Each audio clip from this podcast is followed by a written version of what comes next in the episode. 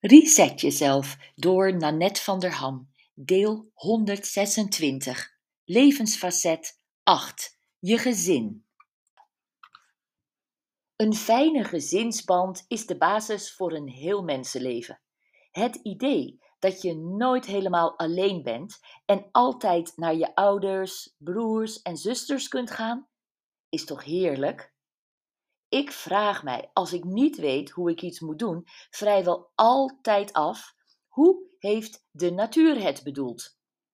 In het geval gezin is het natuurlijk de bedoeling dat we opvoeden, maar ook dat we ons gezin eigen keuzes en eigen fouten laten maken en dat we onze kids op tijd op eigen benen zetten.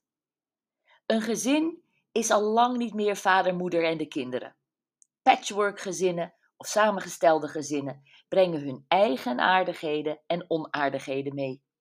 Als je nu aandacht aan je gezin besteedt, pluk je daar vast met elkaar jullie hele leven de vruchten van, in de vorm van liefde, verzorging, aandacht en plezier.